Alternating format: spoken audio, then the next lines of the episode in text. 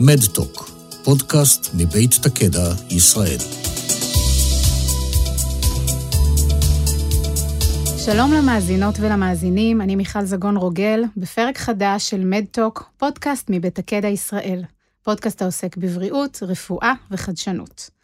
הפעם אנחנו בפרק מעניין במיוחד, בנושא תפקיד אחות מתאמת מיאלומה במערך הטיפול מול החולה.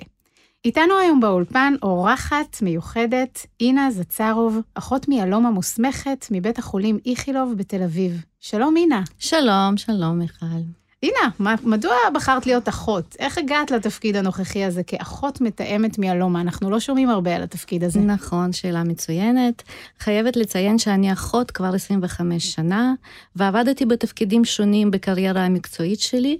לפני כשש שנים החלטתי לעבור למערך ההמטולוגי בבית חולים איכילוב, אה, וזה קרה אחרי שיחה שלי עם מנהלת המערך, פרופסור עירית אביבי, ומנהלת יחידה לחולי מיאלומה, דוקטור יעל כהן. מאוד התרשמתי מהשיחה שלי איתם, אה, מאוד הזדהיתי עם אה, הגישה שלכם, ולאט לאט נכנסתי לעולם חדש עבורי. התחלתי ללמוד מה זה מיאלומה, איך מאבחנים אותה, מה הקריטריונים הקיימים להתחלה של הטיפול, להמשך מעקב, מה הטיפולים שונים מרובים במחלה שקיימים, ומה השלבים שונים בטיפול, ו- וכך הלאה. אה, במקביל, התחלתי גם להכיר את המטופלים שלי, את אלה שכבר נמצאים בטיפול פעיל כבר שנים, וגם את אלה שאובחנו לאחרונה. בטח ו... צריך רגישות מאוד גבוהה להקשיב להם, לדעת מה, מה, מה קורה ברגע הזה שמבשרים לך שאתה חולה, מה עובר כמובן, עליך ועל בני המשפחה. כמובן. אז גם למדתי להקשיב למטופלים שלי. איך הם מקבלים בשורה רעה, ממה הם פוחדים, איך הם מתמודדים עם המצב החדש, מה הציפיות, מה החששות, אה, מי הגורמים שיכולים לעזור ולהקל להם עם ההתמודדות עם המחלה ועם הטיפול. את וככה... מתארת פה באמת הרבה היבטים, גם, גם טיפוליים וגם פסיכולוגיים מול המטופל. לגמרי, לגמרי, אז, לגמרי. אז מה בכלל התפקיד שלך כאחות מתאמת מיאלומה? את יכולה להסביר? כן, בהחלט. היום מגוון הטיפולים שניתנים לחולי מיאלומה הביאו להארכת של תוחלת החיים, והרבה פעמים מטופלים מתמודדים עם מציאות קשה וממושכת. מדובר במחלה כרונית בעצם, ומדובר במטופל שמתמודד עם מחלה ועם הטיפולים לאורך שנים.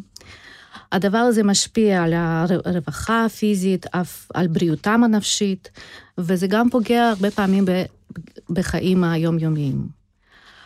המחלה עצמה גורמת לשינויים באורח חיים, והשינויים עלולים להשפיע על המשפחה, מעגל חברתי או מקום עבודה. אני רואה את התפקיד שלי כאחות מתאמת במתן ידע לגבי המחלה עצמה, טיפול בה, ניהול תופעות לוואי, איזון סימפטומים, ומה שהכי חשוב, שמירה על תפקוד ושגרת חיים. והחולה פוגש בך כל פעם שהוא מגיע למרפאה? איך, איך זה עובד, המפגשים איתך? בדרך כלל, בפעם הראשונה אני פוגשת מטופל חדש לפגישה יחסית ארוכה, משהו כמו שעה, ואז אנחנו יושבים ומדברים על נושאים שונים. Uh, אני מתרכזת בנושא, הרבה פעמים נושא של בירוקרטיה, כי הוא מאוד מאוד קשה וכבד. כואב. וכואב, כן. אני מספרת איך להתמודד עם uh, בירוקרטיה מול קופת חולים, מול ביטוח לאומי, מול מקום עבודה, נושא של מיצוי זכויות, אני רואה ואת בו... ואת יודעת היום באמת לסייע למטופל מבחינת מיצו, מיסוי זכויות? כי זה. מבוך ש, שהמטופלים מתארים אותו כמבוך אינסופי. לכן אני כאן, ואני תמיד אומרת למטופל, ולמשפחתו, כל מה שקשור לנושא בירוקרטיה, אני איתם, ואני כן מכירה את הנושא, למדתי אותו לצערי היטב, ואני יודעת איך לעזור ולאן להפנות את המטופלים, ובזה אנחנו מתעסקים הרבה פעמים, במיוחד במפגש הראשון. הנה, כשיושב מולך המטופל, מה הוא שואל? מה מעניין אותו? אילו שאלות עולות בשיחה ביניכם? המטופל שיושב מולי שואל שאלות שקשורות כמובן לטיפול. מה זה הטיפול שהוא הולך לקבל, מה היו תופעות לוואי, איך הוא מקבל את הטיפול, האם זה זריקה בשריר, בברית, האם זה כדורים שהוא צריך לקחת בבית, על מה לשים לב, עם מי להתייעץ, אם קורה משהו, מה קורה למשל אם הוא שכח לקחת תרופה. על כל השאלות האלה כמובן אני נותנת מענה. אני, עם הניסיון שצברתי מול המטופלים עם הבחנה של מיילומה, אני תמיד נוהגת לשאול את כל מטופל, האם הוא רוצה לשוחח עם מטופל אחר שכבר נמצא עם ההבחנה הזאת ומקבל אותו טיפול, ולשאול אותו איך עובר עליו, מה, מאיפה שואבים כוחות, מה, איך הוא מרגיש, מה התופעות לוואי. אה, אז הרבה מטופלים אה, בהחלט נוהגים אה, ביוזמה שלי לשוחח עם מטופלים ש... את בעצם עושה את החיבור הזה? אני עושה את החיבור הזה, ובאמת אני שומעת הרבה תגובות מאוד טובות ופידבקים חיוביים שאני מקבלת מהמטופלים אחרי המפגש. זאת אומרת, אני מקשרת בין אנשים שעוברים כל מיני דברים בחיים. אז מי שנמצא למשל לקראת טיפול חדש ונמצא בחרדה ודאגה, במידה והוא מדבר עם מישהו שכבר מקבל את הטיפול ויכול לפגוש אותו ולראות שבעצם בן אדם כן מתפקד. וכן, הוא חייב להגיע לבית החולים פעם בשבוע, פעם בשבועיים, אבל עדיין הוא מנהל אורח חיים רגיל, הוא הולך לעבודה, הוא נפגש עם משפחה, נוסע לכל מיני טיולים, אז זה כבר מוריד חרדה אצל המטופל החדש, והמפגשים האלה בעיניי מאוד מאוד חשובים. אנחנו מכירים ופוגשים לא אחת את הפעילות הברוכה של אה, עמותת אמן למיאלומה, אם יש לך קשר עם העמותה ואת מפנה לשם מטופלים ביום-יום. כמובן. כל מטופל חדש שאני פוגשת, אני מספרת לו על העמותה, אני נותנת להם את הפרטים, אני דואגת שהם יהיו רשומים בעמותה, כי אני באמת רואה חלק מאוד מאוד חשוב ומאוד חיוני בעמותה הזאת. אני מסכימה לגמרי, אני מסכימה. האם יש אה, אחות מתאמת אה, אונקולוגיה בכל בית חולים? מאוד מסקרן אותי לדעת. אה, אה, יש אחיות אה, למטופלי מיילומה במרכזים גדולים בארץ, כמו ברמב"ם, כמו בשיבא.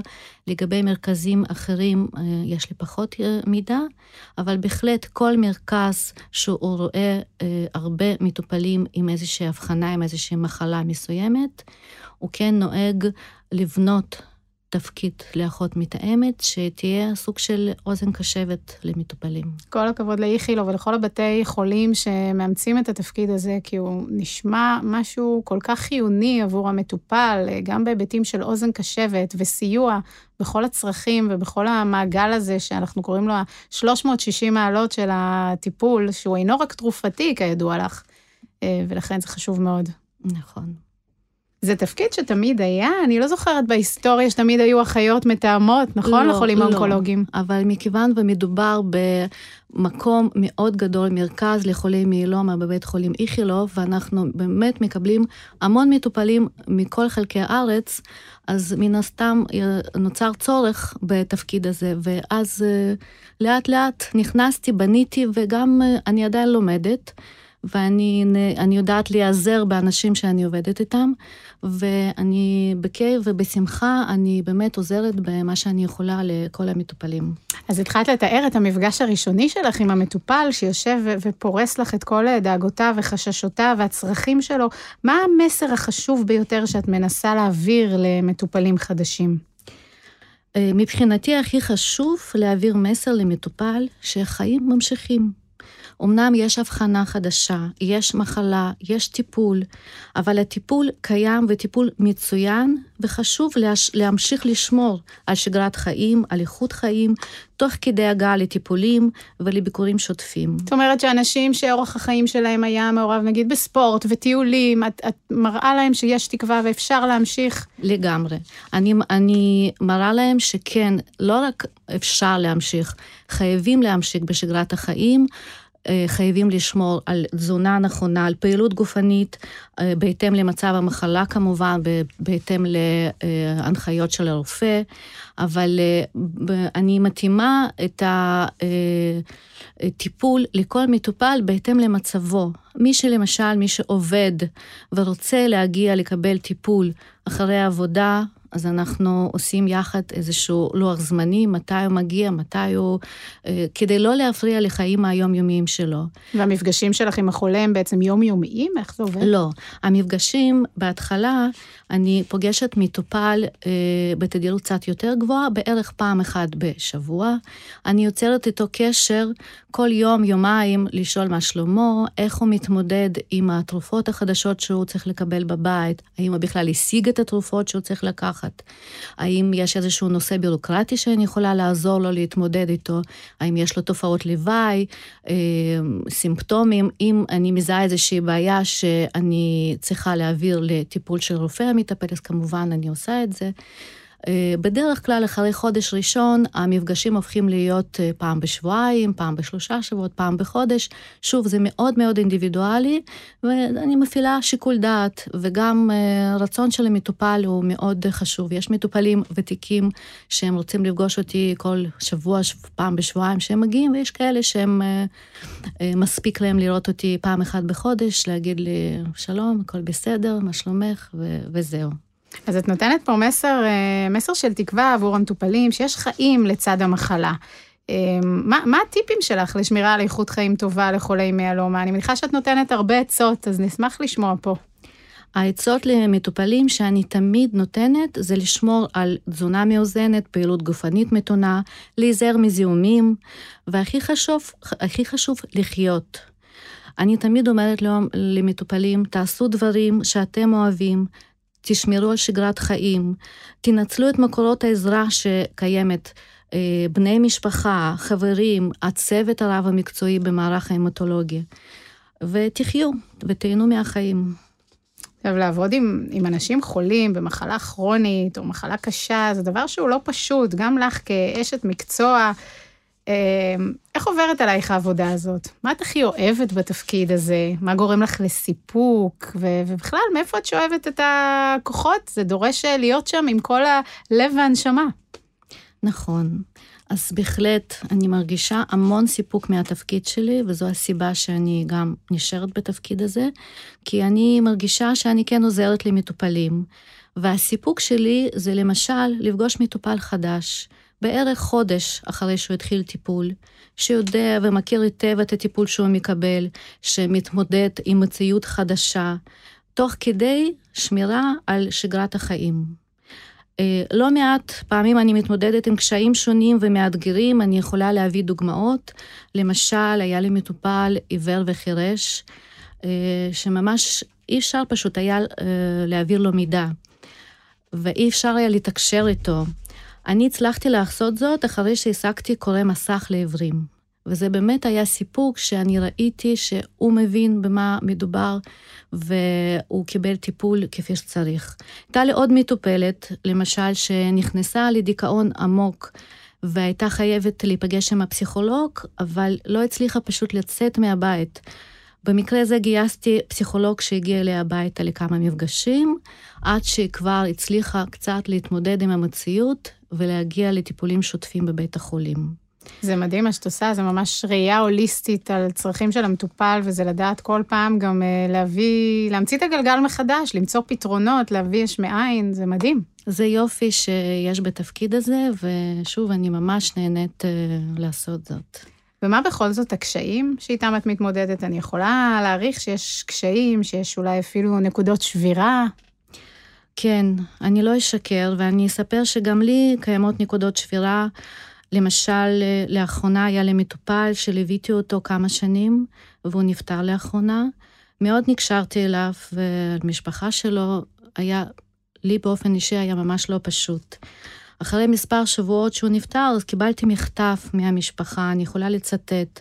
הם כתבו לי שהם רוצים להודות לי על הטיפול חם והמסור שהענקתי לאבא שלהם וגם למשפחה. הם כתבו לי שהם רוצים להודות על חיוך כובש, על רצון תמיד לעזור, ושאבא הרגיש שהוא נמצא במקום הכי בטוח בעולם, בידיים הכי מחבקות, שיש, שזה מה שבעצם גרם לו להילחם עם, המ... עם המחלה ולהמשיך לחיות עד הרגע האחרון. וואו, זה מאוד מרגש ומאוד מאוד, מספק בו זמנית. זה אחד הדברים שבאמת מאוד מאוד מספק אותי בתפקיד. מיאלומה היא מחלה כרונית, אמרנו את זה פעמים רבות, שבה מלווים את המטופלים לאורך הרבה שנים. האם נוצר, אני יכולה להמר שכן, קשר אישית, אה, אם את יכולה לתת דוגמה על קשר מיוחד שנרקם בינך לבין מטופל, מטופל מיוחד שממש נכנס לך ללב.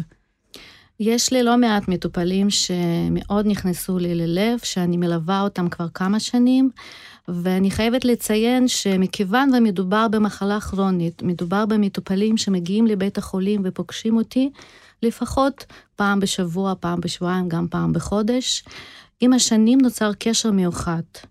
המטופלים משתפים אותי על מה שקורה להם בחיי היום-יום, אה, חולקים איתי לפעמים, אה, מספרים על התחביבים, על הדברים שקורים להם בחיים, על כל מיני החלטות שהם אה, מקבלים, למשל יציאה לפנסיה מוקדמת, או משפחות שנולד להם נכד, הם נוהגים גם לשתף, לבוא ולספר.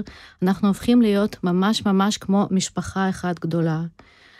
אה, זה לא רק שאלות רפואיות שהם פונים אליי, אלא גם אה, דברים מעבר לזה, והם אה, רואים בי באמת שותפה, שותפה לחיים. העבודה שלך חיונית, חיונית לחלוטין עבור המטופל, ועכשיו לקראת סיום הפודקאסט הזה, מאוד מעניין אותי לדעת אם יש לך איזה מסר שאת רוצה להעביר למטופלים, כמה מילים של תקווה כן, אני רוצה להעביר מסר שאני כאחד שנמצאת בתפקיד הזה לא מעט שנים, ופגשתי באמת אה, המון מטופלים עם הבחנה הזאת, הבחנה של מיאלומה. תמשיכו לחיות. תנסו לשאוף כוחות מכל דבר שאתם נהנים לעשות. תנסו לשמור על שגרת חיים. תחיו. ואני אהיה שם כדי לעזור לכם. תודה רבה, אינה. תודה רבה על השיחה החשובה הזו. אני מרגישה שאפשר לדבר על הנושא הזה עוד שעה לפחות, אבל צריך לסיים. אז תודה רבה לך. תודה רבה לך, תודה. אם מצאתם את הפודקאסט הזה מעניין ומועיל, אתם מוזמנים לשתף אותו עם חברים ומשפחה. כמו כן, תוכלו למצוא בערוץ מדטוק פודקאסט בנושא בדידות במצבי חולי מתמשכים, פודקאסט בנושא מיינדפולנס, תקווה, מוזיקה, בריאות ועוד. תודה שהייתם איתנו.